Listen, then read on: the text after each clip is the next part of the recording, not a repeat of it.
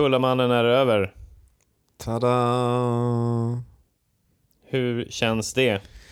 Ehm, det känns skönt. Du är, du är inte ledsen över att du inte liksom fortfarande håller på? Oj, ska du spoila det här redan så här tidigt in i podcasten? att jag inte är ute och springer fortfarande? Ja, nej fan, förlåt. Nej, det kanske var dumt. Nej, Vi får se under Ja. avsnittets gång om jag är kvar ute och löper eller om jag är i mål. Ja. Eller om jag ligger på sjukhus. Ja, vi, vi, vi ligger ju åtminstone på, inte en brits utan vi ligger lamslagna i eh, samma säng faktiskt. Ja, men det gör vi. Ja, Och det är kul. ja. Hur mår kroppen? Alltså, um, lägesrapport just nu när jag, när jag talar den här meningen är att det faktiskt är ganska bra, helt okej. F- Men för några timmar sedan så var det helt fruktansvärt när vi satt i bil på väg upp hit och jag kände hur mina fötter bara svullnade upp. Fick nya blåsor och ja, mycket riktigt när jag tog av mig strumporna och skorna så var det några riktigt otrevliga eh, fötter som, som jag skådade. Ja, de fick ju liksom inte riktigt plats i skorna längre. Nej, de, de var helt uppsvullna och hemska. Mm. Så sitta ner i en, i en trång bil i, hur långt har vi åkt bil idag? Fem ja, timmar. Precis, fem, sex timmar. Det var en dålig idé för fötterna alltså. Ja. Nej, det, det, har, det har ju varit plågsamt för båda, båda oss egentligen sen eh, loppet tog slut. Eh, men eh, fan, vi tar, vi tar det bit för bit. Jag måste ändå säga att jag har känt mig nervösare inför loppstarter. Jag kunde ändå somna. Alltså så här, jag hade det skitdåligt på från klockan två till klockan sex ungefär hade jag det skitdåligt. Det kom på jobbet när alla började prata på jobbet. Lycka till! Hur kan man följa dig? Hur ska det gå det här egentligen? Då, Ja, då fan. hade jag det skit. Och sen när jag var hemma och höll på och packade ihop allting och satt på bussen där i min ensamhet. Men när jag träffade upp er igen, då, då kunde jag tänka på annat. Då föll bitarna på plats kanske. Du Ja. Kom in i vår trygghet. Ja, men jag tror det. Ni, ni vaggade in mig där i någon slags mysig trygghet. Jag kunde fokusera på eh, vad du höll på med lite grann mer. Mm, och se mig stressa runt och packa min dropbag och Ja, koka du. mina ägg och hetsa runt. Ja, och, du, det var verkligen energi, energistämningen i den här, den här lilla stugan som vi hyrde var ju verkligen stressad, fokuserad kvällen Ja. innan. ja. Det var mycket som skulle fixas.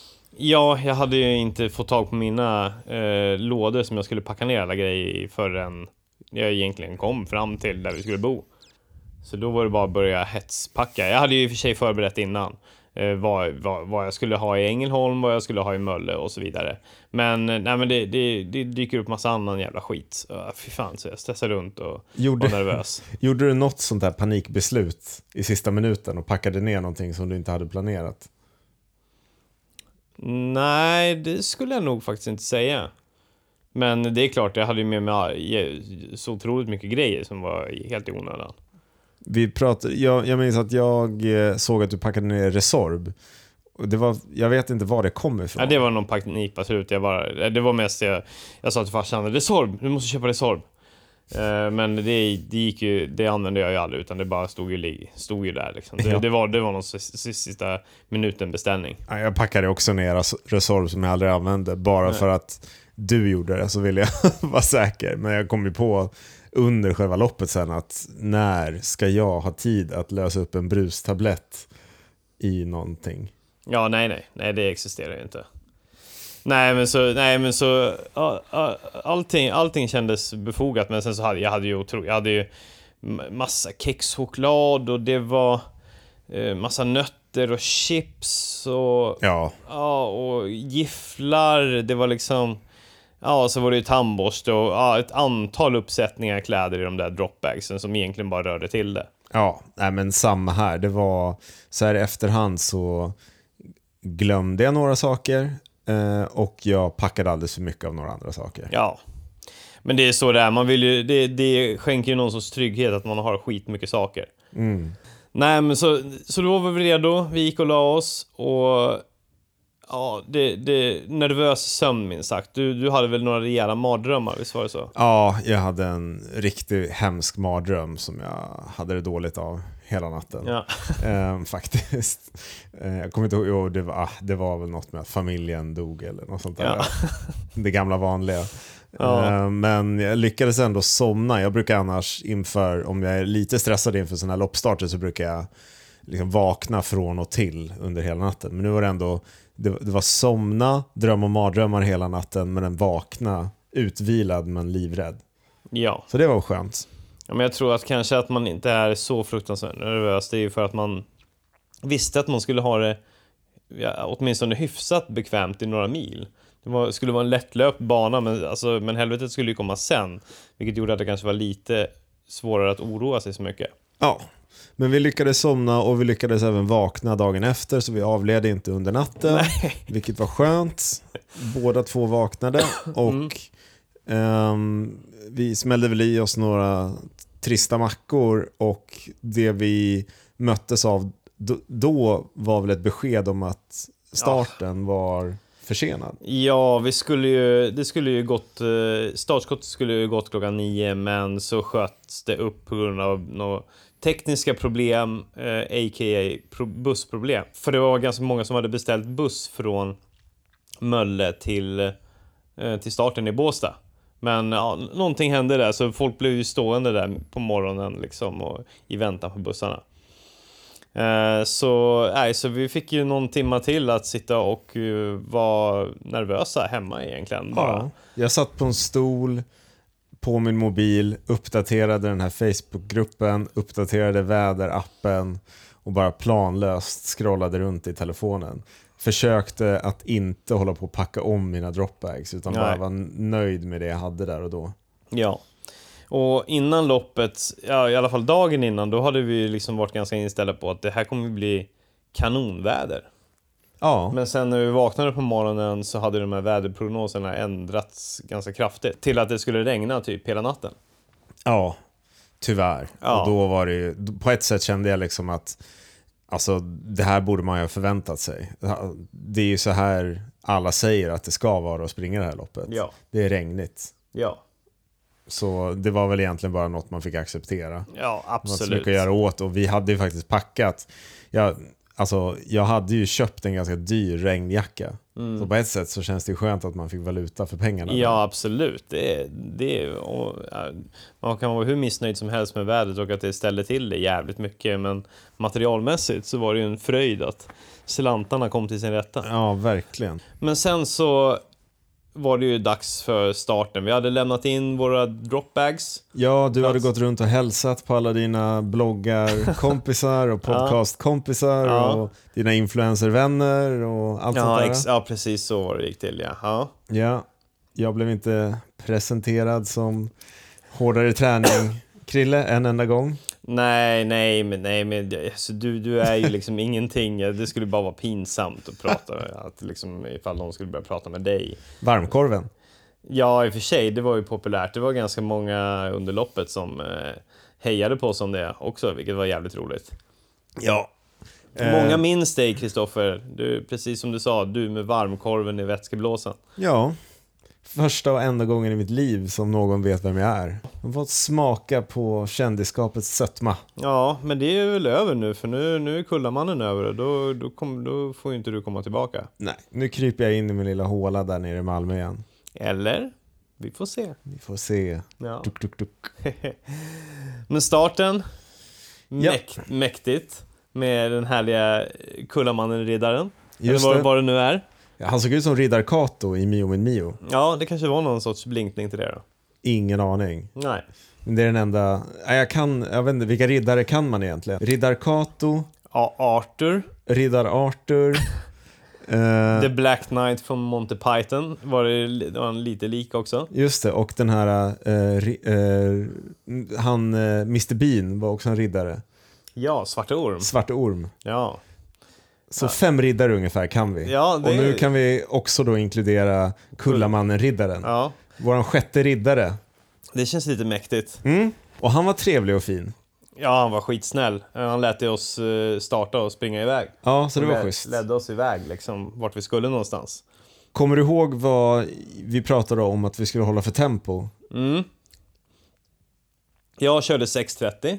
Var det enligt Eh, din plan? Det, det, det var min plan. Men det blev ju inte riktigt så. Eh, det blev snarare typ 7-tempo. Ja. Och jag, jag, skulle, jag sa ju att jag skulle hålla ett åtta tempo i början, men det gick ju, det var ju helt omöjligt att springa så sakta. så att jag höll första milen 6.30 tempo och sen så vart det ett, när man började gå på några ställen så vart det 8. Så att jag, jag snittade faktiskt på 7.30 tempo. Hur länge då? Ehm, Alltså fram till, till Ängelholm. ja, just det. Efter 50, 55 kilometer. Ja, så jag sa att jag skulle hålla 7.30 till... Eh, nej, förlåt. Jag sa att jag skulle hålla 8 tempo eh, de första 80 kilometrarna. Ja, Och det gjorde jag inte. Jag höll 7.30 fram till eh, Ängelholm och sen så var jag lite slöare. För, och jag, jag blir luddig här för min GPS-klocka dog Ja. i Ängelholm. Så jag vet faktiskt inte. i Ängelholm. Fan, ja, just det. Ja, jo, men det, då, då hade det kanske gått en 7-8 timmar, eller? Ja, något sånt. Ja. Nej, precis. Här fram till Ängelholm så höll väl jag ett... Ja, jo, men det var typ 6.30 tempo som jag höll fram till dess i alla fall. Mm. Eh, och och, och det, det kändes ka- kanon hela vägen. Fan, det var ju ruskigt fin, fint där i början. Superfint. Det var, det var ju så man hade velat haft det hela loppet. Hur, eh, absolut. Hur, hur funkade det med din outfit? Hade du bra kläder på dig från start? Ja, de, det satt så, som en smäck alltså. Vad körde du med? Körde långa tights, eh, tunna långa tights. Eh, en t-shirt och en eh, Salomon vindjacka. Ja. Eh, som, ja, det, ja, var så, det, det satt, ja, men det blåste ju ganska mycket ändå. Så jag drog över den här luvan och så, här, det, ja, och så hade jag pannband också, en Salomon, Salomon pannband. Eh, Så det satt så skönt vet du. Det, det, kändes, det kändes verkligen, det här, det här skulle jag kunna hålla på med ett par dygn, Så- kändes det ungefär. Jag körde med, eh, jag tog på mig alldeles för mycket i start, en klassiker. Jag hade på mig en, en, en riktig favorit, en långärmad Nike-tröja som är lite isolerad men ändå hyfsat tunn. Sen drog jag på mig en vindjacka på det, en sån här lö- tunn löpar-vindjacka. Och det blev sjukt varmt så den, den fick jag släpa av mig efter eh, fem kilometer eller Ja. något sånt där fick jag dra av den. Och sen så när vi började komma ut längs med kusten och springa, så då började jag frysa för då började det blåsa sjukt mycket. Mm. Och du vet, i alla fall jag, när jag springer så min hjärnkapacitet begränsas ytterligare. Jag, jag är dum från start. Mm. Men när jag springer och är så fokuserad på att springa så tappar jag intelligensnivå hårt. Ja. Så jag sprang där och bara, shit vad irriterande det är att det blåser så mycket och jag fryser så mycket. Men du, Vad fan ska jag göra? Men du väljer att inte göra något åt det. Och sen kom jag på en bra bit senare att jag har ju faktiskt packat med mig två jackor just för att lösa det här problemet. Ja. Men det blir så komplicerat att bara öppna en dragkedja eller bara göra någonting. Ja, man är så du, alltså, så, så, där, så där kan jag tänka i efterhand, alltså på många lopp. Så här, varför ta, kanske bara ta sig två minuter och bara fixa det. Speciellt när det är så ett långt lopp så spelar det fan ingen roll. Nej, men det, jag drog nog ut på den där jackan. Jag tror jag sprang och frös i en halvtimme, en timme innan jag beslutade mig för att jag kan ju bara ta upp den och sätta på mig den så är det klart. Ja, Och när jag gjorde det så var allting frid och fröjd. underbart igen. Nej, Yes. för jag fick en, jag fick en läges, lägesrapport från min pappa som stod och hejade vid 25 kilometer då sa han att du var inte i så gott mod. Att du frös och att det gick långsamt Ja, men och att det ju- kändes piss. det var ju för att jag, jag hade ju inte satt på mig den där jackan ordentligt. Ja, Så då var jag lite kall. ja. Men sen, sen, sen, sen var du tillbaka i matchen igen. Ja, absolut. Och i Ängelholm så mådde du ganska bra. Alltså ja, absolut. Jag hade det kanon fram till Ängelholm. Det var, jag kände mig stark i kroppen och tänkte det här var inte så farligt. Nej. Och, ja, vad kul, nu ska man äntligen få byta till de här fina skorna som vi har testat. Och, eh, den enda lilla missen som jag hade gjort innan här var att säg att det kanske var fem vattenpölar från start till Ängelholm. Jag klev i alla Ja. och var väldigt blöt om fötterna för jag hade Ja. bara ett par vanliga löparskor på mig. Ja.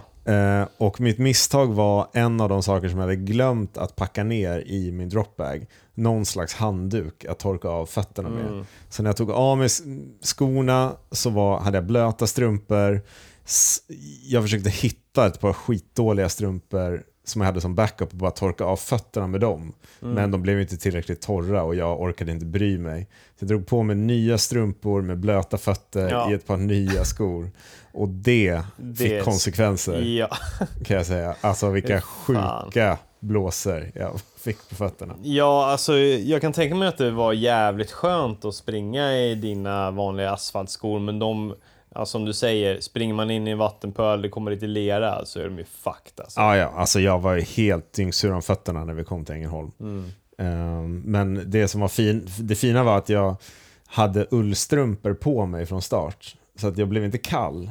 Ehm, så det kändes ändå helt okej. Men eftersom jag inte hade några ullstrumpor i dropbagen i Ängelholm så blev det ett par vanliga så här, löparstrumpor i bomull med de här terrängskorna med blöta fötter.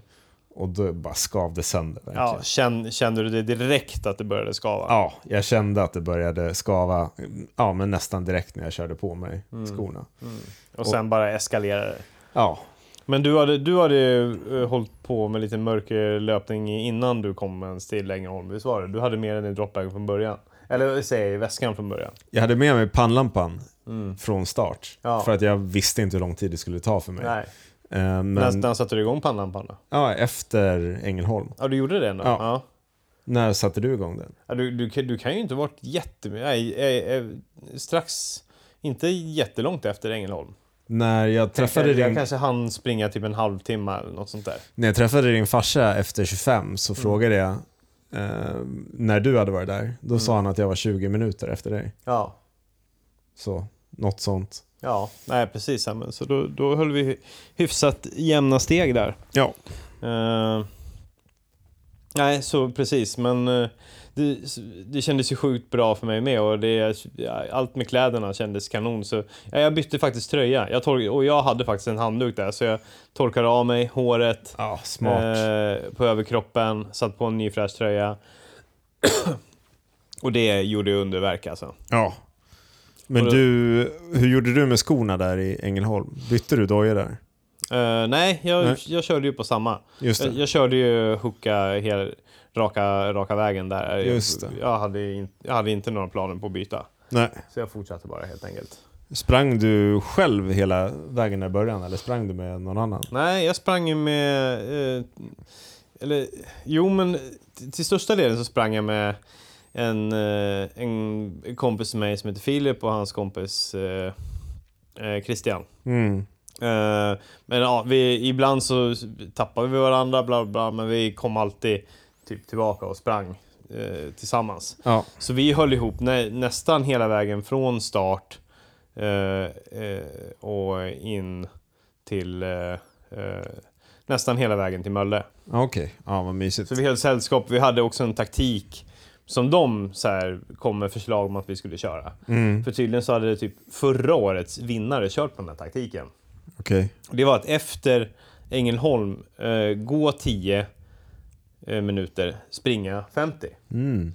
Eh, på något sätt för att, ja, spara på krafterna, låta kroppen liksom på ett naturligt sätt eh, få, få lite vila från det här monotona löpandet som det, som det ändå var på de här första 10 milen. Det var, det var platt, eh, det gick snabbt eh, och då kan det bli att man blir lite sur i benen av att det bara är så pass enformigt. Men det var ju också, alltså det var ju, absolut det var platt eh, i förhållande till resten av loppet, men det var ju också lite backar. Alltså första, inom första 10 kilometrarna bara, där var det ju lite rakt ut i skogen grej i början. Ja, och sen kom precis. det ju backar till och från. Vad, hur gjorde ni med det här eh, löpa 50, gå 10 konceptet? Alltså, om det kom nej, en men kom, kom det en backe så gi- gick vi konsekvent. Ja, Alltid. ja. Minsta lilla backe. Mm. För man visste att man, be, man behöver allt det här liksom. Mm. Eh, det, det, även, även ifall det känns otroligt just nu och det går att springa hur fort som helst så vet man att det kommer en jävla smäll, för det vet man ju. Ja, verkligen. Och, eh, men det man kan säga, det, den först, fram till Ängelholm så var det bara mys och kul. Och, och sen så, E- Efter det så ja, blev det ju lite kämpigare. då blev det ju mörkt. Ja, dis- ja, precis. Dels mörkt, dels distansen. Gjorde sig ju påmind. Och jag, jag, alltså, det kommer man ju inte ifrån hur långsamt man än springer eller hur, liksom, vilken taktik man än har. Liksom. Ja, men är du uppe och springer, börjar närma dig 6-7 mil. Alltså det, kroppen, det, det, det kommer kännas. Det blir ju ett konstant nötande alltså.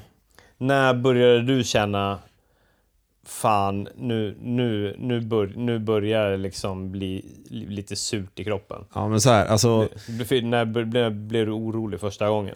jag blev orolig första gången var det faktiskt mentalt. Och det var när vi hade dragit på oss pannlamporna och sen efter Ängelholm sprungit rätt ut i skogen.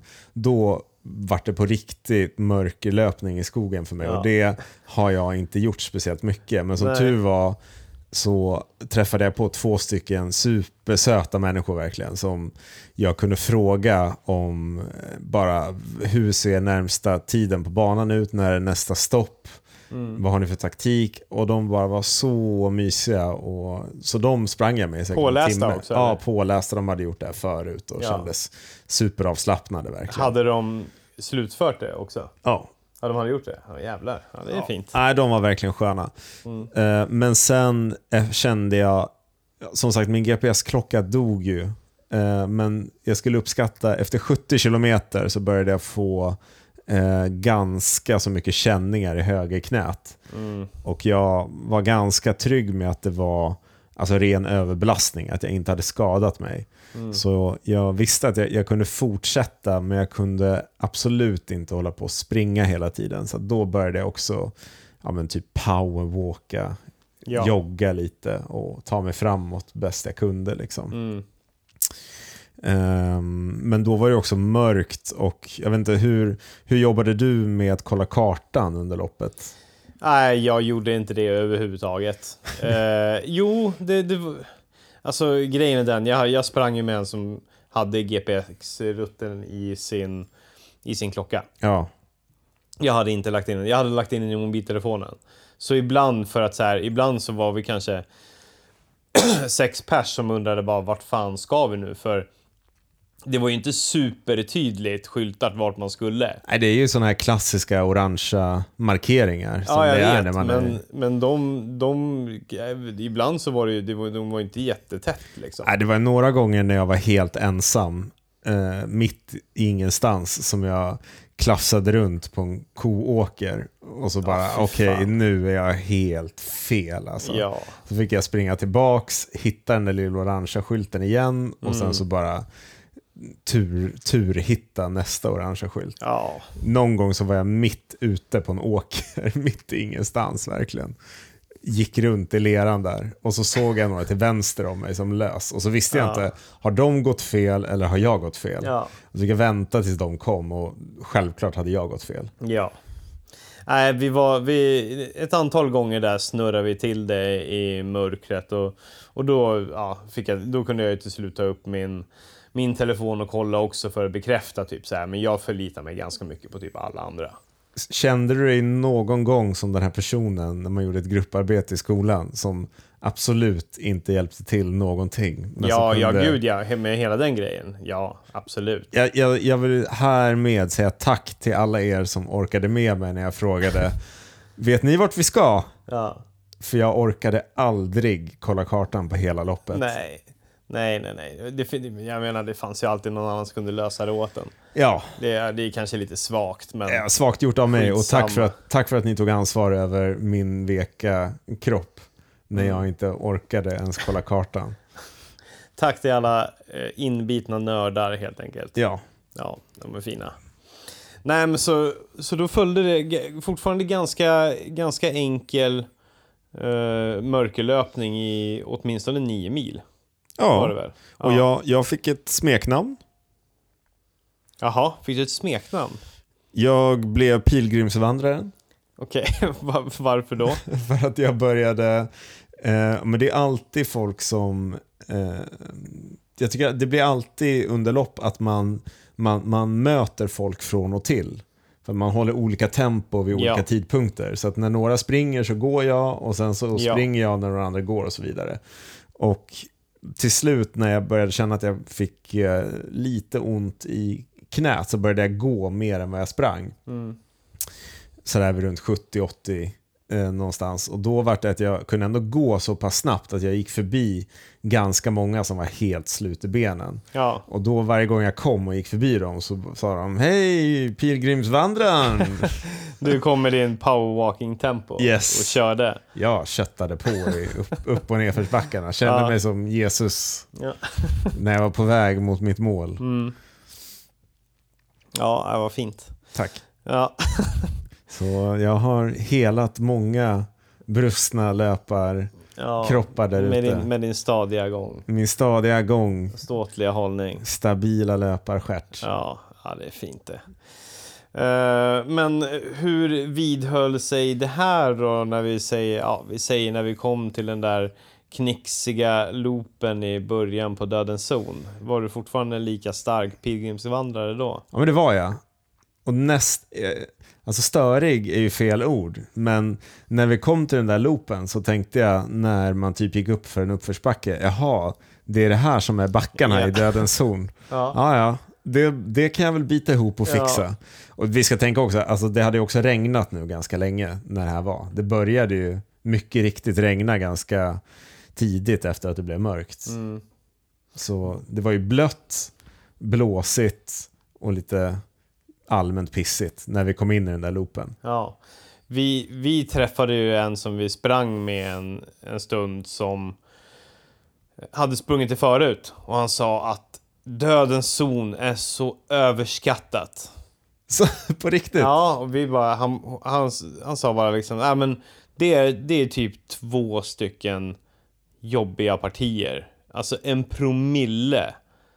Resten är typ sån här löpning och då sprang vi typ som i ett elljusspår. Det kan inte vara sant. Hade den här Ja, personen ja. sprungit loppet förut? Ja, han menade på att han hade sprungit loppet förut. Har du kunnat kolla upp om den här personen har slutfört loppet? Nej, det har jag inte kunnat göra. Jag kommer inte ihåg eh, vad han hette eller hur han såg ut överhuvudtaget. Det var kolsvart.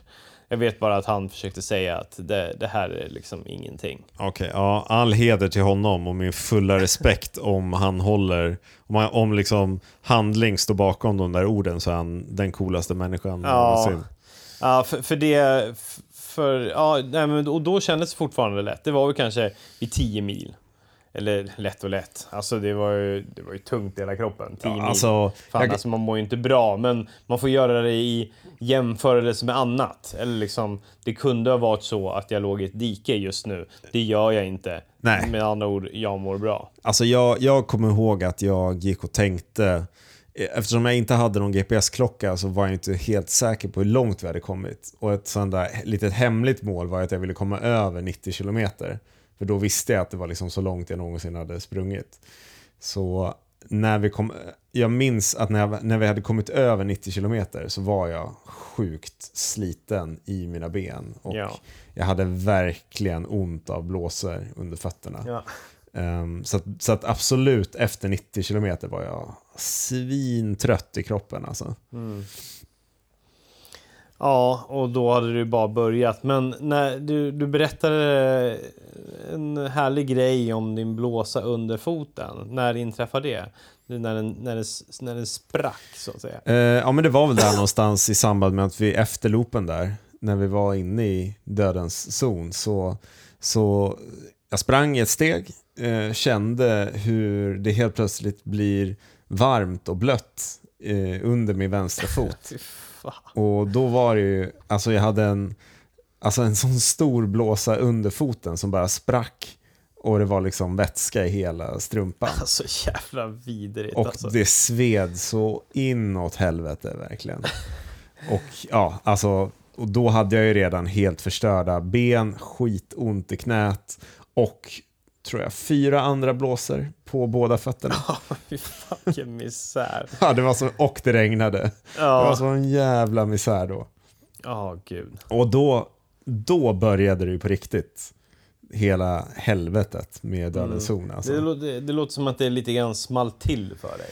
Yes, Ja. så var det. Ja. Det vart sån extrem reality check. Jag, jag kommer knappt, alltså så här, jag har luddiga minnen av loppet generellt innan det small till. Ja. För att det är bara det hemska man kommer ihåg. Ja, jo, men det var ju alltså... När fick du upp ögonen för hur jävligt det var där?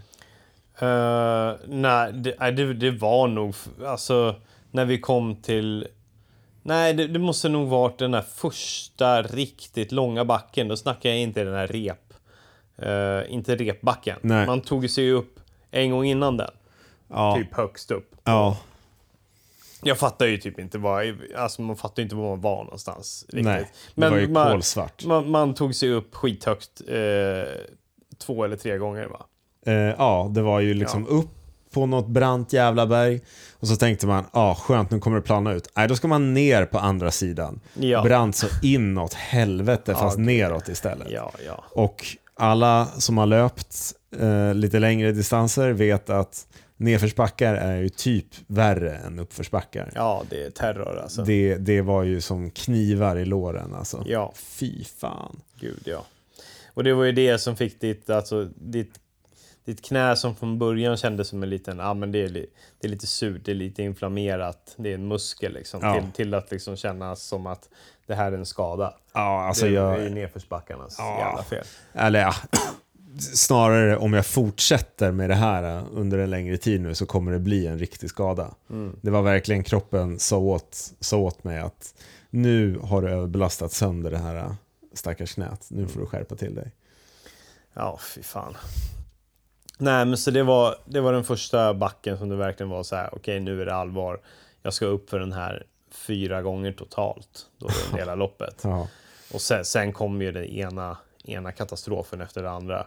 Sten, alltså det här, först, det här långa stenpartiet. Alltså stenpartiet, jag, tror, jag fick en riktig sån reality check på att, att nu är det hårdare när det var ett stenparti och sen så helt plötsligt, man följer efter de här snitslade banden och Ja. helt plötsligt så bara ser jag att det är ett band men det är en stor jävla stengrej i vägen som man måste Mm. klättra över. Ja. Och då var jag så jävla trött och det Ja. var så halt och det var, det var så regnigt och så bara de menar alltså allvar att jag ska börja klättra på den här jävla s- skitvassa stenen. Ja, och det, och det var ju inte bara det att det, så här, jag tror att första gången så, så man gick ganska långt på de här stenarna, sen kom den här klippan och då tänkte jag, ja men då är det väl över efter den. Men det kom väl typ fyra stycken till som man skulle klättra över efter den. Ja. Innan man fick springa in i skogen igen. Ja, jag vet inte, hade du, när du planerade loppet, hade du planerat vad du skulle ha för handskar på dig för att få bra grepp när du skulle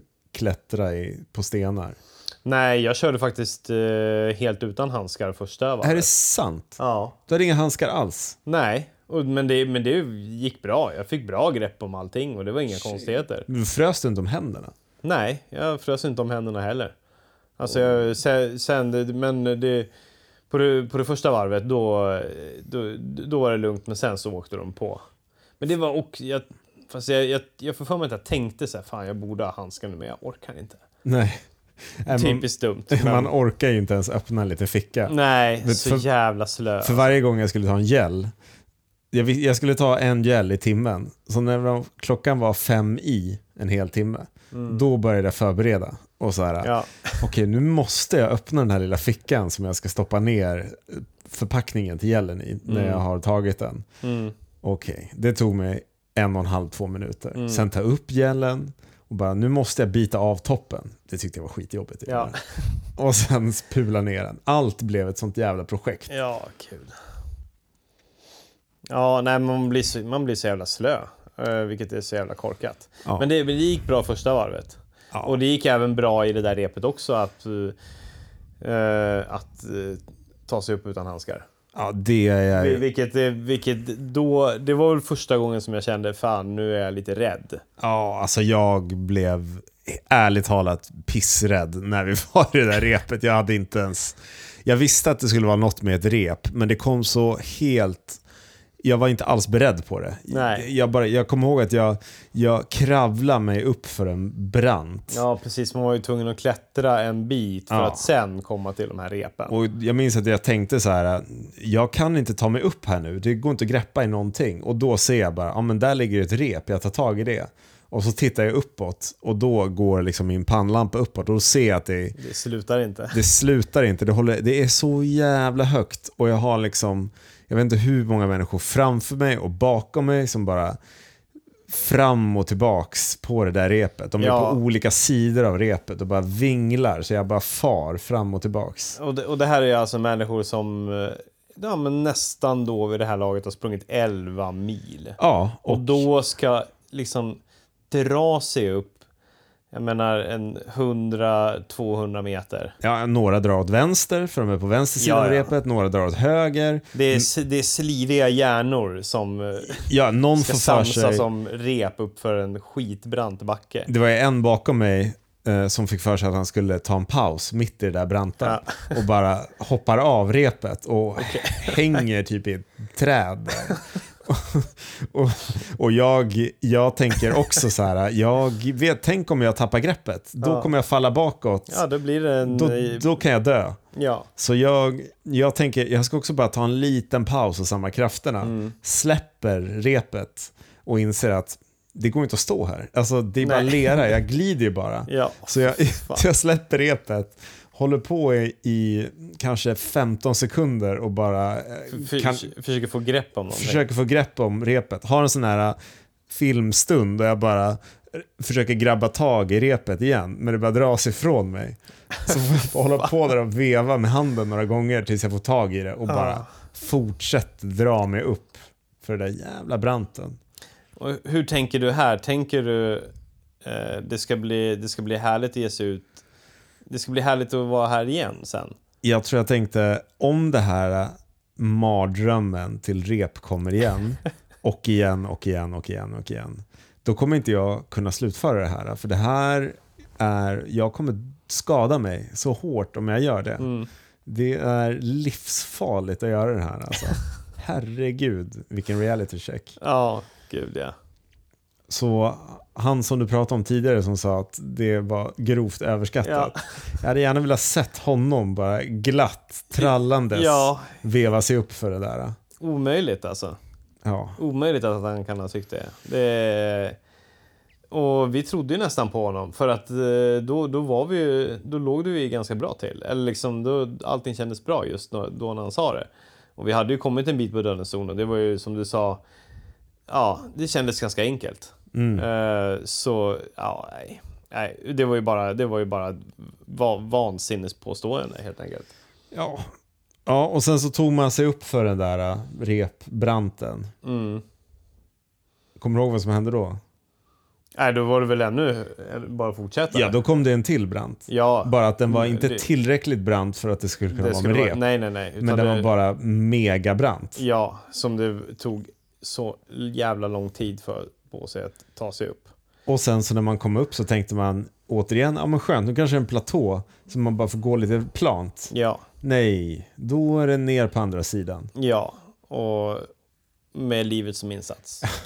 Så kändes det hela tiden. Alltså det var lera. Ja. Det var hårda stenar. Ja, men framförallt så kändes ju Dödens zon som ja, men att man, man sprang med livet som insats. Alltså det var, det kändes, det kändes farligt. Ja, alltså det var Eh. verkligen, alltså man var tvungen att eh, skärpa till sig och verkligen försöka att inte ta några risker. För eh, skadar man sig där mitt i skogen så är det krångligt att ta sig därifrån. Alltså. Ja, Men jag, jag, jag liksom gick ju och, och stirrade rakt ner i marken för att undvika att inte snubbla på något hela tiden. Typ. ja. Ja, men därifrån var det ju, ja men det var, eh, det var eh, upp och ner ganska mycket. Det var extremt Slirigt, kuperat. lerigt. Ja. Ja, ta sig upp för långa jävla branter om och om igen. Eh, och, och sen efter ganska lång tid där så kom ju den här uh, vätskestationen. Och Ja, då det, var, det var långt dit alltså. det, var, det var långt och då tog fan vätskan nästan helt slut. Jag, mina två polare som jag sprang ganska mycket med, deras tog ju slut så de var ju nästan tomma på energi när de kom dit. Ja, och jag hade ju, de gels jag hade kvar tappade jag vid det, det där repet. Yes. De försvann. Jag hade det i mina Åh, fickor på Gud. shortsen, men de flög ur där, för det var så brant. Fan. Så när jag kom upp där då och skulle bara ta någon energi så bara, nej, jag har ingenting. Det hade var energidryck och vatten kvar tills den där vätskestationen. Det var, det var, det var tufft alltså. Nej, där stannade vi i alla fall och fyllde på våra flaskor. Vi stod för lång tid. Vi blev så jävla kalla så att vi bara... Ja, det bara hackade tänder och det bara gjorde ont ända in i märgen alltså. Ja, Då var det kallt. Blåsigt, regnigt, hemskt, misär. Det, och det, det gick verkligen. Det, det gick också på någon sekund. Det var upp för det där berget, för det där repet. Och där var, där var ju misären igång på riktigt. Och det var ju då man förstod att det här kommer ju... Det här, kom, det här kommer vara riktigt hemskt om vi ska fortsätta med det här. det sjuka är att hela, vad är det, 22 kilometer som det är i Dödens zon. Eller vad är Ja, det? ja, 22 kilometer och 800 höjdmeter. Ja, men det känns ju alltså som en evighet.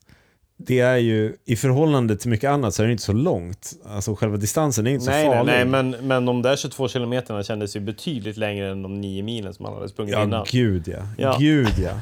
Och det, alltså de har ju lagt upp det här loppet så extremt smart. Så att allting är ju en liten mental terror. Ja. Att när man är inne i de här 22 kilometerna så är man ju så trött och rädd ibland. Och det är så jobbigt.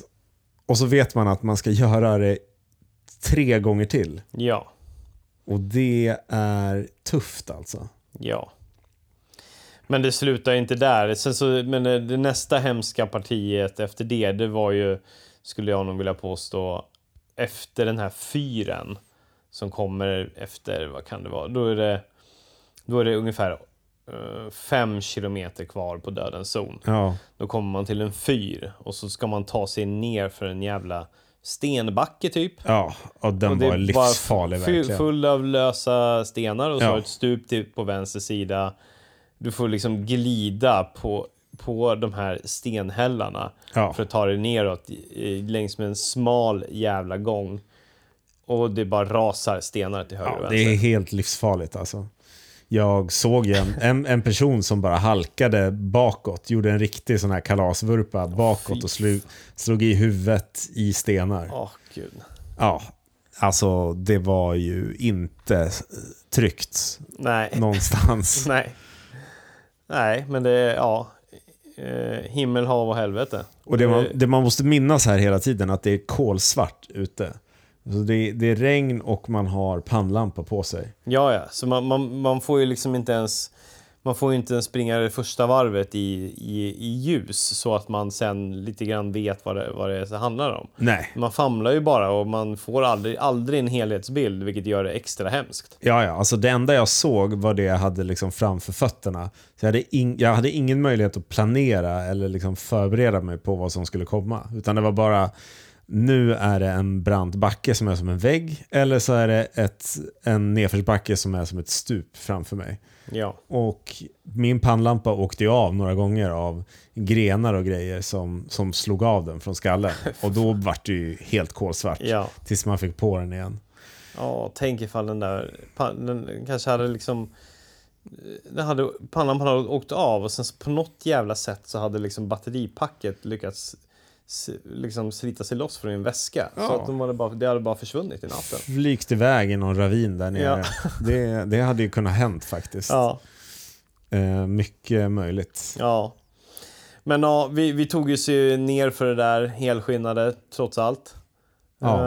Ehm, och sista biten, ja, det, det, var ju, det, var ju, det var ju inte som att det var över där utan det var ju upp och ner och djävulskap de sista fyra kilometerna därifrån också. Jag trodde ju för att, alltså jag har ju ingen tidsuppfattning om hur lång tid det här tog. Nej. För jag hade ingen klocka och jag var helt fokuserad på att bara ta mig därifrån liksom, utan att skada mig. Så jag tänkte att jag skulle möta dig där någonstans. Att du skulle typ varva mig. Jag tänkte bara, Ja. jag, jag har varit ute här nu så många timmar. Så snart kommer jag möta Tobbe när han är ute på varv två. Eller Ja, alltså man, man tappar ju all tidsuppfattning om hur lång tid Jag har- saker och ting ska ta. Jag har ingen aning om fortfarande hur lång tid det tog för mig där. Nej. Jag har inte orkat tänka på det. Nej. Men hur som helst. Du, eh, du tar dig därifrån. Eh, Du kommer in till Mölle till slut. Ja, och de börjar ju hinta om målgång typ en och en halv, två kilometer innan den Ja. faktiska målgången. Ja, Jag minns när jag såg den första skylten där det stod mål och en pil så tänkte jag bara äntligen. Men nej då, då kommer det lite mer uppförsbackar. ja, ja. Och en två, tre till sådana här målskyltar. Men man har ingen aning om vart fan det där målet är Nej, någonstans. Det kändes ju som de hade gömt det här hotellet liksom mitt i ingenstans. Det sista jag möter innan jag går i mål, kanske 200 meter innan målgång, är en jägare som är på väg och ska åka någonstans och jaga. Och han typ idiotförklarar mig för att jag inte kan svara på, svara på tal. Han, han ställer mig några så frågor, så här, frågor om ehm, när har, eh, vem är det som har vunnit loppet? Va? När gick, när gick först, han som vann i mål, på vilken tid? Ah, okej. Och, jag, och jag var ju helt förvirrad och bara, va? va? Vad säger du? vad, Va? vad fan ställer han det till dig för? Jag har ingen aning. Han bara, du, du verkar inte ha någon koll alls. Du vet inte vad, vad som händer. Och jag bara, nej. Då, Jag, Han verkar ju uppenbarligen inte fatta vad fan det här handlar om. nej. Och har förstått att du har precis varit ute och sprungit i 120 kilometer. Nej, jag tror inte han, han förstod ingenting. Han, han stod där och rökte en cigg med ett gevär och bara Ja. skulle iväg i en bil. Undrar vad fan man gjorde där med pannlampa. Stod han och bara väntade på att alla skulle sluta springa eller så att han kunde gå ut och jaga? Nej, jag var ju ensam. Han, var, han höll på att packa bilen och bara Ja. Jaha, är du ute och springer? Vad, ja, men när gick eh, första, han som vann, när gick, när gick han i mål? Eller var, vart ligger du någonstans just nu i loppet? Mm. Frågade han mig. Och jag bara, ja, absolut ingen aning Va, om. vart är jag? Ja, ja, alltså jag hade ju, det var ju kolsvart. Jag visste ju inte vart jag var någonstans. Nej. Jag bara följde skyltarna mot det där jävla hotellet. Ja. Ja, så det var surrealistiskt. Mm. Men till slut, du kommer fram till hotellet. Till slut kom jag fram till Du kommer, hotellet. du kommer fram till varvningen. Kommer fram till varvningen som alltså är som en liten restaurang typ. Mm. Med lite stolar och bord och lite värme och mat. Och, Ja. Och vad gör du? Ehm, ja, men jag sätter mig ner. Ehm, vi har ju pratat, tricket är att man inte ska stanna och vila, bla bla bla. Ja. Men det där berget, det tog alltså, det stod kol på mig verkligen. Ja. Jag, jag var ju ganska klar med att jag skulle bryta där i Mölle eh, redan innan jag kom in. Satte mig ner ändå för sakens skull. Mm. vilade mina ben och jag hade så ont i mitt knä, hela min kropp, att blåser under hela fötterna. Började du spana på dina blåsor innan du tog... Eh, Nej, alltså fötterna var ju bara lerigt helvete. Så att jag kunde inte, de var så svullna också, så jag kunde inte, det, det var bara kört. Så det jag gjorde var att jag, jag tror jag satt ner, käkade en, en macka som jag hade förberett och sen så gick jag och ringde den där klockan. Och där fick det vara nog för mig. ja. Och sen tog jag av mig skorna och det var en sån lättnad. Alltså, jag har ald- det är första gången som jag avbryter ett lopp. Men på något vis så känns det som att alltså, man har ju ändå slutfört ett lopp. Mm. Eftersom man får ju en sån där Broken Arrow t-shirt. Ja. Och jag tog mig längre än vad jag någonsin har tagit mig. Du fick, att- du fick ju känna på hela dödens zon. och jag fick göra den där dödens zon. Och jag satt och försökte, försökte vara smart och så här. Om jag räknar på det, kommer jag hinna? Men det var bara skitsamma. Alltså jag hade skadat sönder mig om jag hade försökt göra det där. Ja. Alla varvningar. Så jag, jag ringde till dig också eh, i samband med det här. Mm. Ja, bara- då hade jag... Då hade jag några kilometer kvar på andra varvet. ja, och då tänkte jag, men då sitter jag kvar tills Tobbe kommer. Ja. Då var klockan typ fem på morgonen, så då Mm. hade jag sprungit i 19 timmar. Eh, ja. Ja. Och det, det, var, det var din resa. ja, det var min resa. Ja. Och ehm, ja, nej, men då satt jag och väntade på dig där. Och var helt slut. Ja. Och då var du ute på ditt, hur var ditt andra varv? M- mitt andra varv Och var... hur, innan vi går, så här. Mm. Hur, när du kom, hur var det när du kom till Mölle första gången? Nej men, Eh, Jag var faktiskt fortfarande i ganska gott mod. Jag kom, då, hade jag, eh, då hade jag skilt mig åt från mina eh, vänner som jag hade sprungit där i början med. Jag kände att jag hade lite fart i kroppen. Eh, Jag kom in och mådde förhållandevis bra. Bara så här, ja, jag, måste, jag måste byta strumpor, jag måste käka lite grann. Men jag var ändå så här, men jag vill, jag vill sticka ut så snart som möjligt. Ja. Hur länge var du där då? Jag var där ungefär en kvart. Okej. Innan men jag stack det, ut. Ja, det är ändå det är bra ju. Ja, ja men jag fick i mig lite käk, eh, gick på toa, eh, bytte strumpor.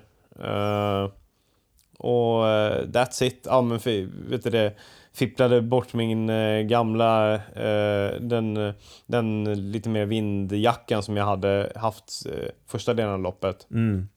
Satte på mig min Gore-Tex-jacka.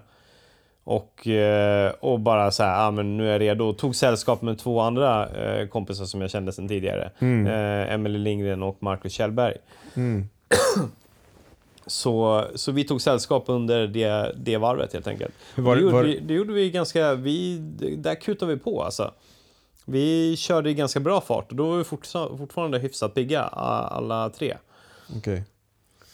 När, du- bara innan du stack iväg ut på ditt andra varv, Ja. var, det, var det många som bröt medan du var den där kvarten i Mölle? Ja men eh, hörde väl ett par klockor ringa tror jag. Var du någonsin Två, nära? tre.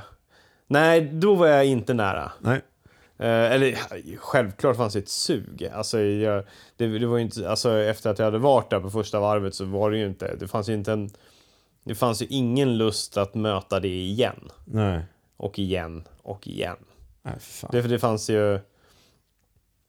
Ja, det, det, allra helst hade jag gjort det liksom, men jag, men jag var ju verkligen så här, ja men jag, jag måste vara riktigt jävla nere i skiten för att jag ska ringa den där klockan alltså. Mm. Det, jag hade tid på min sida. Det var bara liksom att fortsätta. Jag hade fortfarande kraft. Pigg i huvudet. Ja. Alltså trots, trots allt.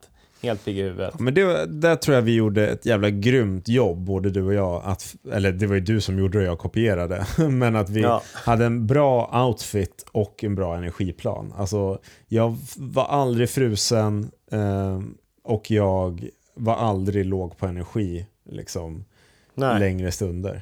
Men det var ju redan vid, redan vid eh, Ängelholm var det ju 80 stycken som bröt.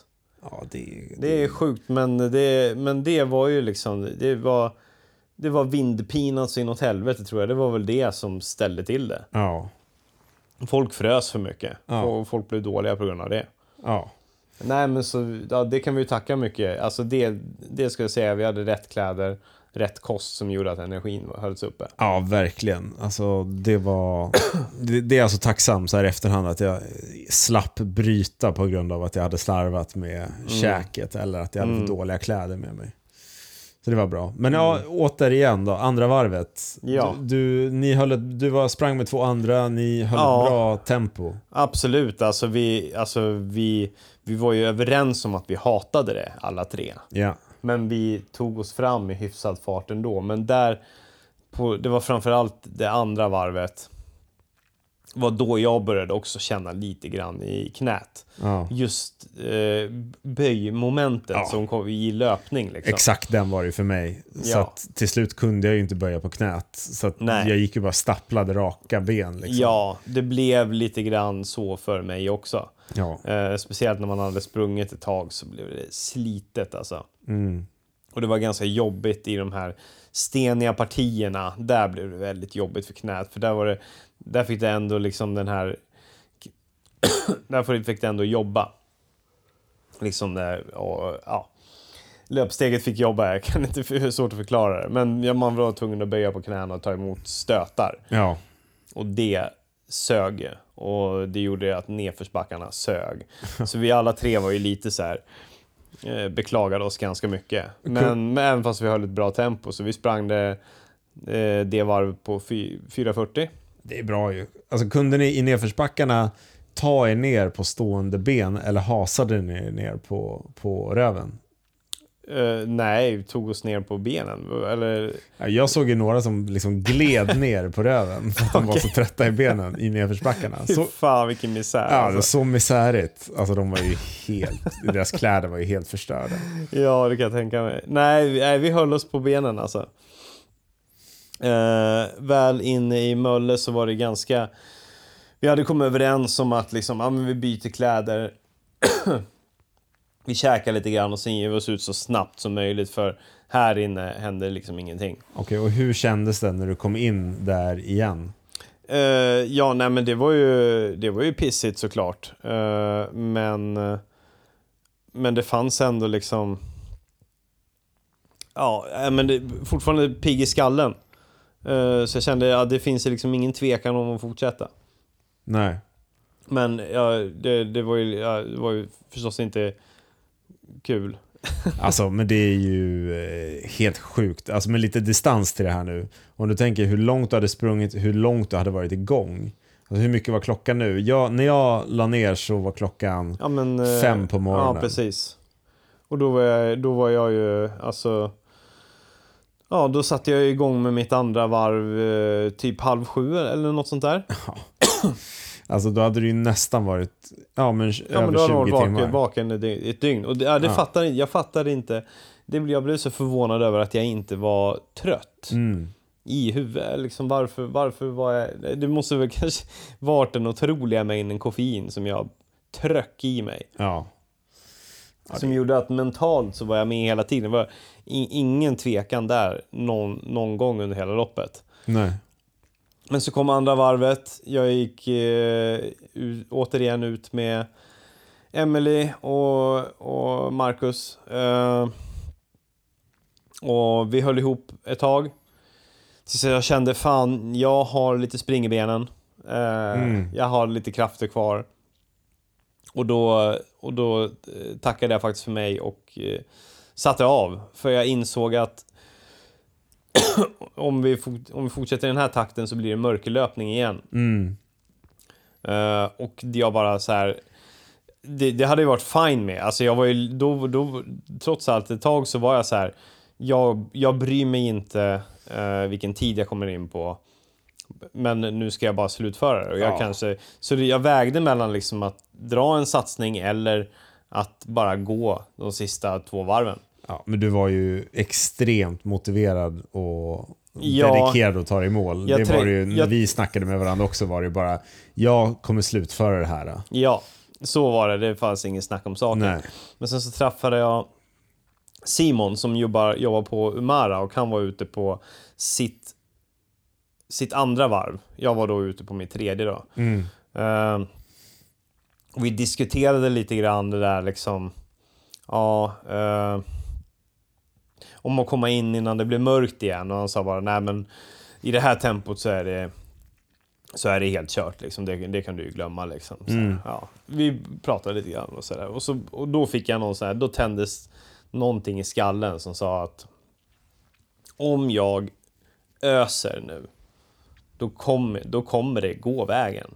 Ja. Om jag drar en satsning nu, för jag kände det finns lite kraft för att kuta i benen. Det är helt sjukt att du kunde känna det när du har varit igång så länge. Ja, Att jag, du fortfarande hade kraft att springa. nej, jag, jag fattar inte det heller. Så då vände jag mig till eh, Marcus och Emily och sa att liksom Fan, jag, jag tror att jag har lite krafter i benen nu, så jag, jag tänker nog köra nu liksom. Mm. Så då vinkade vi av varandra, önskade varandra lycka till. Och så körde jag. Och det, det gick i en jävla fart, så jag tror att första eh, varvet, alltså första riktiga varvet. Alltså man, man tar ju den här loopen, eh, Ja. ja, ja du, du förstår. Ja. Eh, det gick på 40, 440 det, och det här varvet som jag då när jag gjorde min satsning. Ja. Jag tror att jag klockade in på fyra timmar. Åh fy fan. Ja, eh, och, och redan innan eh, det, det var ju förstås skittungt också alla de här delarna men jag, jag körde bara, det var bara då jag så jävla målmedveten, jag ska lösa det här liksom. Jag fattar inte hur du ens kunde springa då, för då är det så många som har... Alltså det var lerigt när jag sprang där. Ja, Men så många fötter som har trampat sönder de där stigarna. Hur fan kunde Ja. du ens springa där? Nej, jag, jag, jag vet inte, men eh, det, det gick. Jag fick... ja, Jag, jag måste ha fått någon sorts adrenalinpåslag eller någonting. För jag bara körde. Ja. Och så hade jag bestämt mig för att okej, nu inför det tredje varvet. När jag kommer in så ska jag ta sju gälls och så ska jag gå direkt ut genom dörren. Tog du sju gälls på en gång eller att Nej, du tog nej. med dig sju gälls? Fy fan, det hade varit... Då hade man ju varit helt jävla skogstokig. Nej, jag, jag bara tog... Gick till min dropbag, tog sju gälls, stoppade ner i, fram på eh, min väska och sen bara gick jag ut genom dörren och fortsatte. De andra gångerna har jag ändå stannat ja, men typ så här kvart, 20 minuter. Här var jag...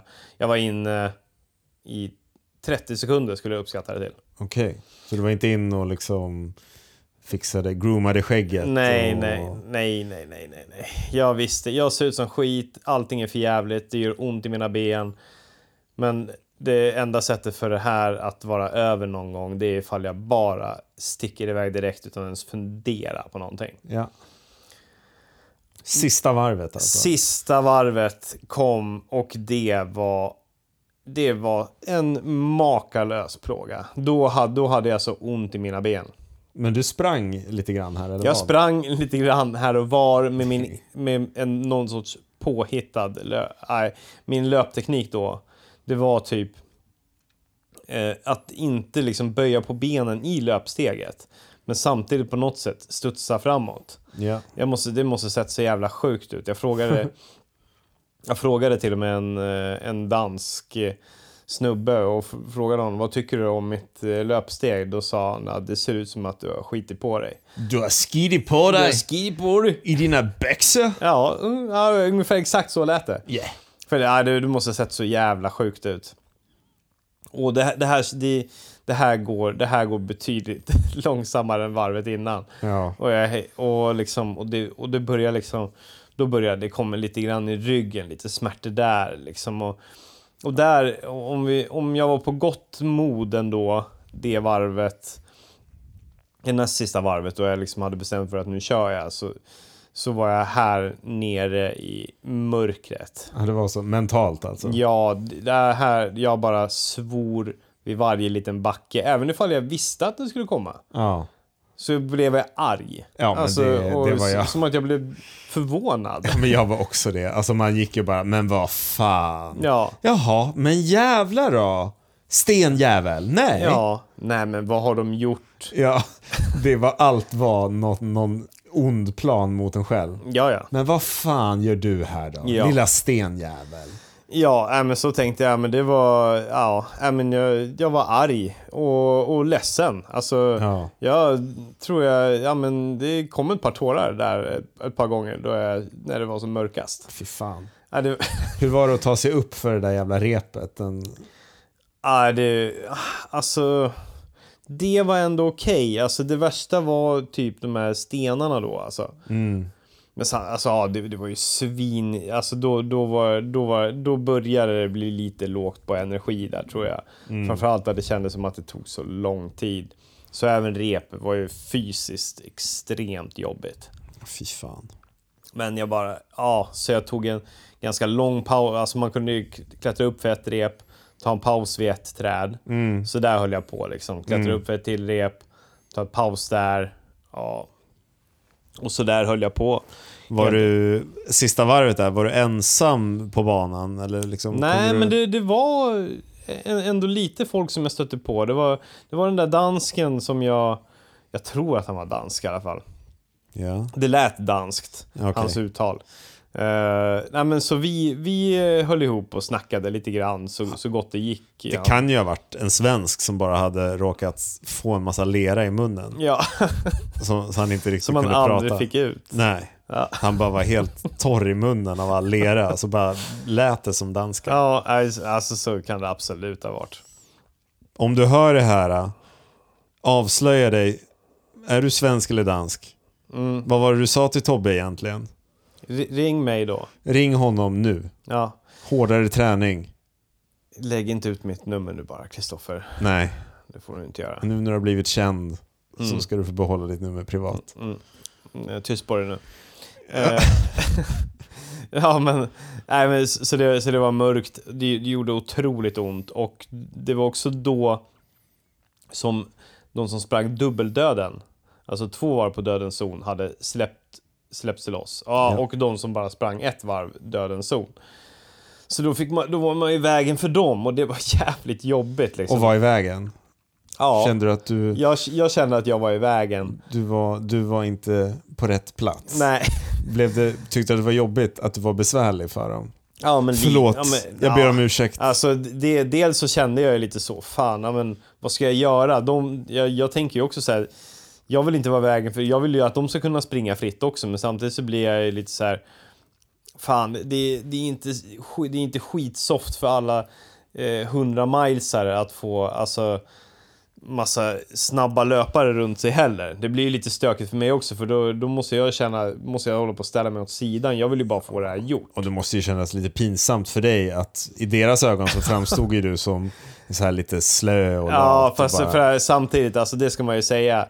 Eh, så många ryggdunkar och eh, hejaord från så många andra medlöpare har man ju aldrig fått. Var det för att du sa Hej Tobias Hej, från Hårdare har- Träning Podcast här. Ja, exakt. Jag ska springa 100 miles och tydligen så springer ni kortare än mig. Ja, nej, det var ju faktiskt så att bak på min ryggsäck så hade jag ju nummerlappen där det stod 100 miles. Tungt. Ja, så de fattade och, och äh, det måste ha synts för om vi ska vara helt ärliga.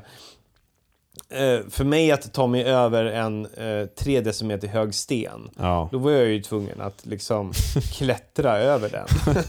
Medan de skuttade över den. Det var ganska tydligt vad fan jag höll på med. Det måste ha sett så jävla roligt ut när de, de Ja. kommer där och bara Jaha, nu drar vi igång och så bara ser de en sliten Ja. man som bara så, drar sig över en 30 centimeters sten. små grus liksom. Det var bara för mig att klättra och de bara tog, tog ett steg liksom. Ja. Jag var tvungen att använda hela min kropp för att ta mig över de här små, små stenarna. Fan, du är en sån krigare. Ja, det, det, var, det var ett sånt jävla krig och det, och det tog ju aldrig slut. Och där hade jag ju liksom... Jag hade som målsättning att jag ska in under 30 timmar och innan solen går ner. Och det, Ja. det var så jag tänkte att så lång tid kommer det ta. Och även till och med när jag... Alltså jag hade så svårt att räkna ut vilken tid jag skulle komma in. Det blev bara fel i huvudet hela tiden. Så jag tänkte så här, men fan jag kanske kommer jag, jag kanske kommer in under 30 timmar. Till och med när det var tre kilometer kvar så tänkte jag Ja men, ja, jo men det kanske går under 30 timmar. Men alltså, Jag hade- hade inget tidsperspektiv överhuvudtaget. Men var din klocka, funkade den Jo, fortfarande här? jo, men jag kunde inte räkna. Jag Nej. kunde typ inte räkna. Det blev, det blev helt knasigt. Så jag tänker liksom, ja men de här tre kilometrarna, de kan ta en och en halv timme.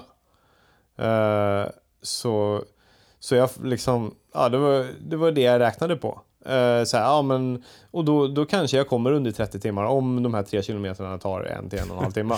Det lät logiskt i hjärnan där. Ja, nej, men det var bara mos liksom. För, men, så, men så till slut så, jag tar mig förbi det här jävla, ja, det här stenraset efter fyren, det var ju helt fruktansvärt. För då fanns det ju liksom ingen stund i mina ben alls. Nej. Du kan ju tänka dig hur det var, liksom. det, fann, det fanns ingenting. Fan. De, det bara vek sig. Eller jag, liksom, Ah.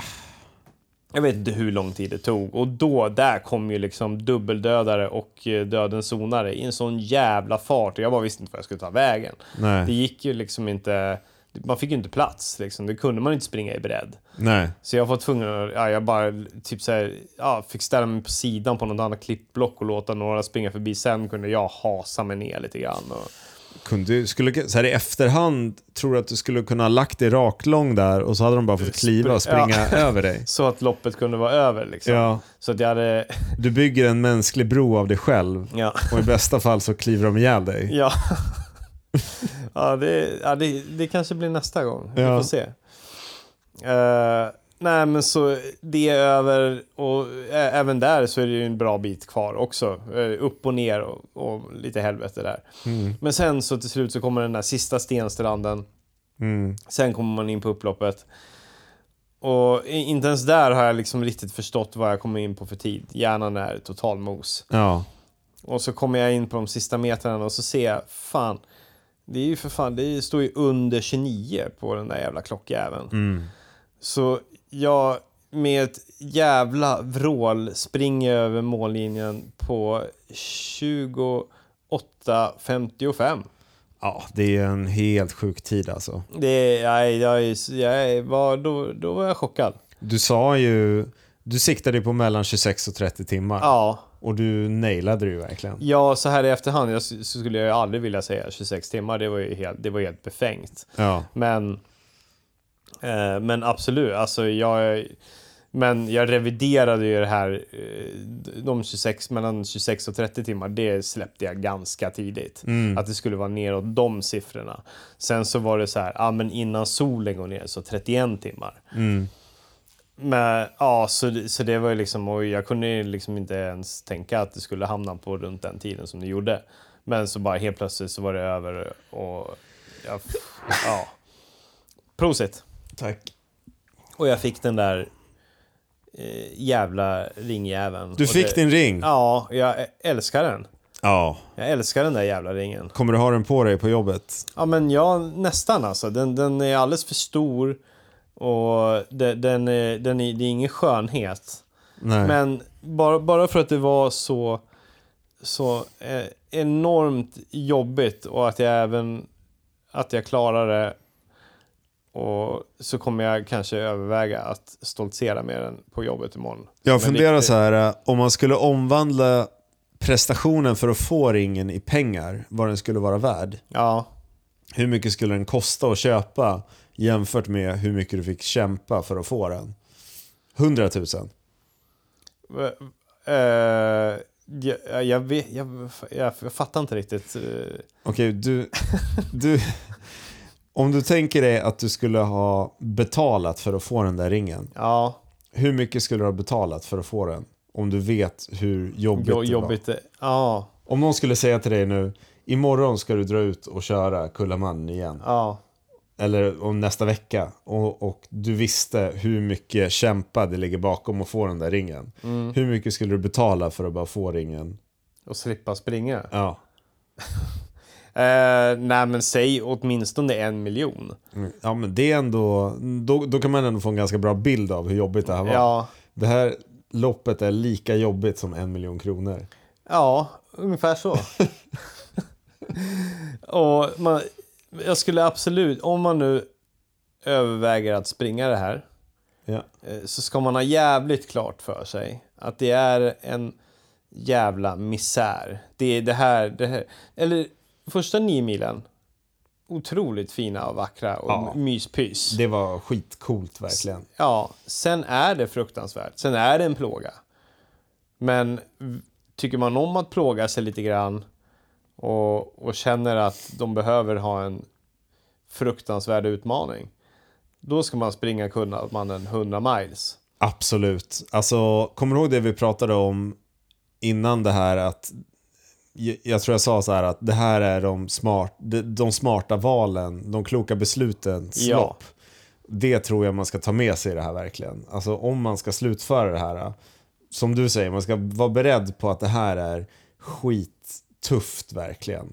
Ja, Men man måste också vara beredd på att planera lite och man måste kunna tänka klokt och inte göra någonting dumt. För då kommer man skada sig och inte kunna slutföra det. Eller man kommer bli för kall för att man blir nedkyld. För man har för dåliga kläder.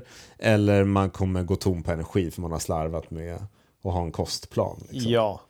Jag skulle verkligen rekommendera att eh, om man vill, vill träna och göra sig förberedd för det här så ska man fan ge sig ut i många timmar. Eh, ta alltså obanad terräng helst. Ja, Eh, och verkligen göra sig vän med mörker. ja, verkligen. Alltså jag kan säga så här. Är ni, är ni som jag en grundlat person som inte orkade förbereda sig tillräckligt för det här loppet så går det ändå att ta sig med ren vilja ehm, ja, men 110 kilometer. Ja, du, du hade om inte du hade haft det här i knät och de här blåsorna så hade ju du haft kraft till att fortsätta. Ehm, jag tror det. Ja. Det är så svårt att säga alltså. Det är för Nej, svårt man kan ju alltid spekulera. Ja, det är så lätt att spekulera nu, men när jag ringde den där klockan för att avbryta så var det det enklaste beslutet jag kunde ta där och då. Ja. Så det, det känns bara dumt att spekulera i om jag kunde ha fortsatt eller inte. Ja. Men man måste definitivt ha tränat, som du säger, obanad terräng och vara van vid mörker. em, för att kunna ta sig igenom alla de här varvningarna. För de, alltså det är något helt annat. Det, Ja. det, jag, jag kan inte jämföra med någonting annat. Och jag har försökt hitta lite bilder på hur det faktiskt såg ut mitt i natten. Men det är svårt att hitta. Alltså. Det, det, Ja, går... det är svårt att göra det rättvisa. Ja, för man måste lägga på att man har liksom så mycket distans i benen när man väl kommer dit också.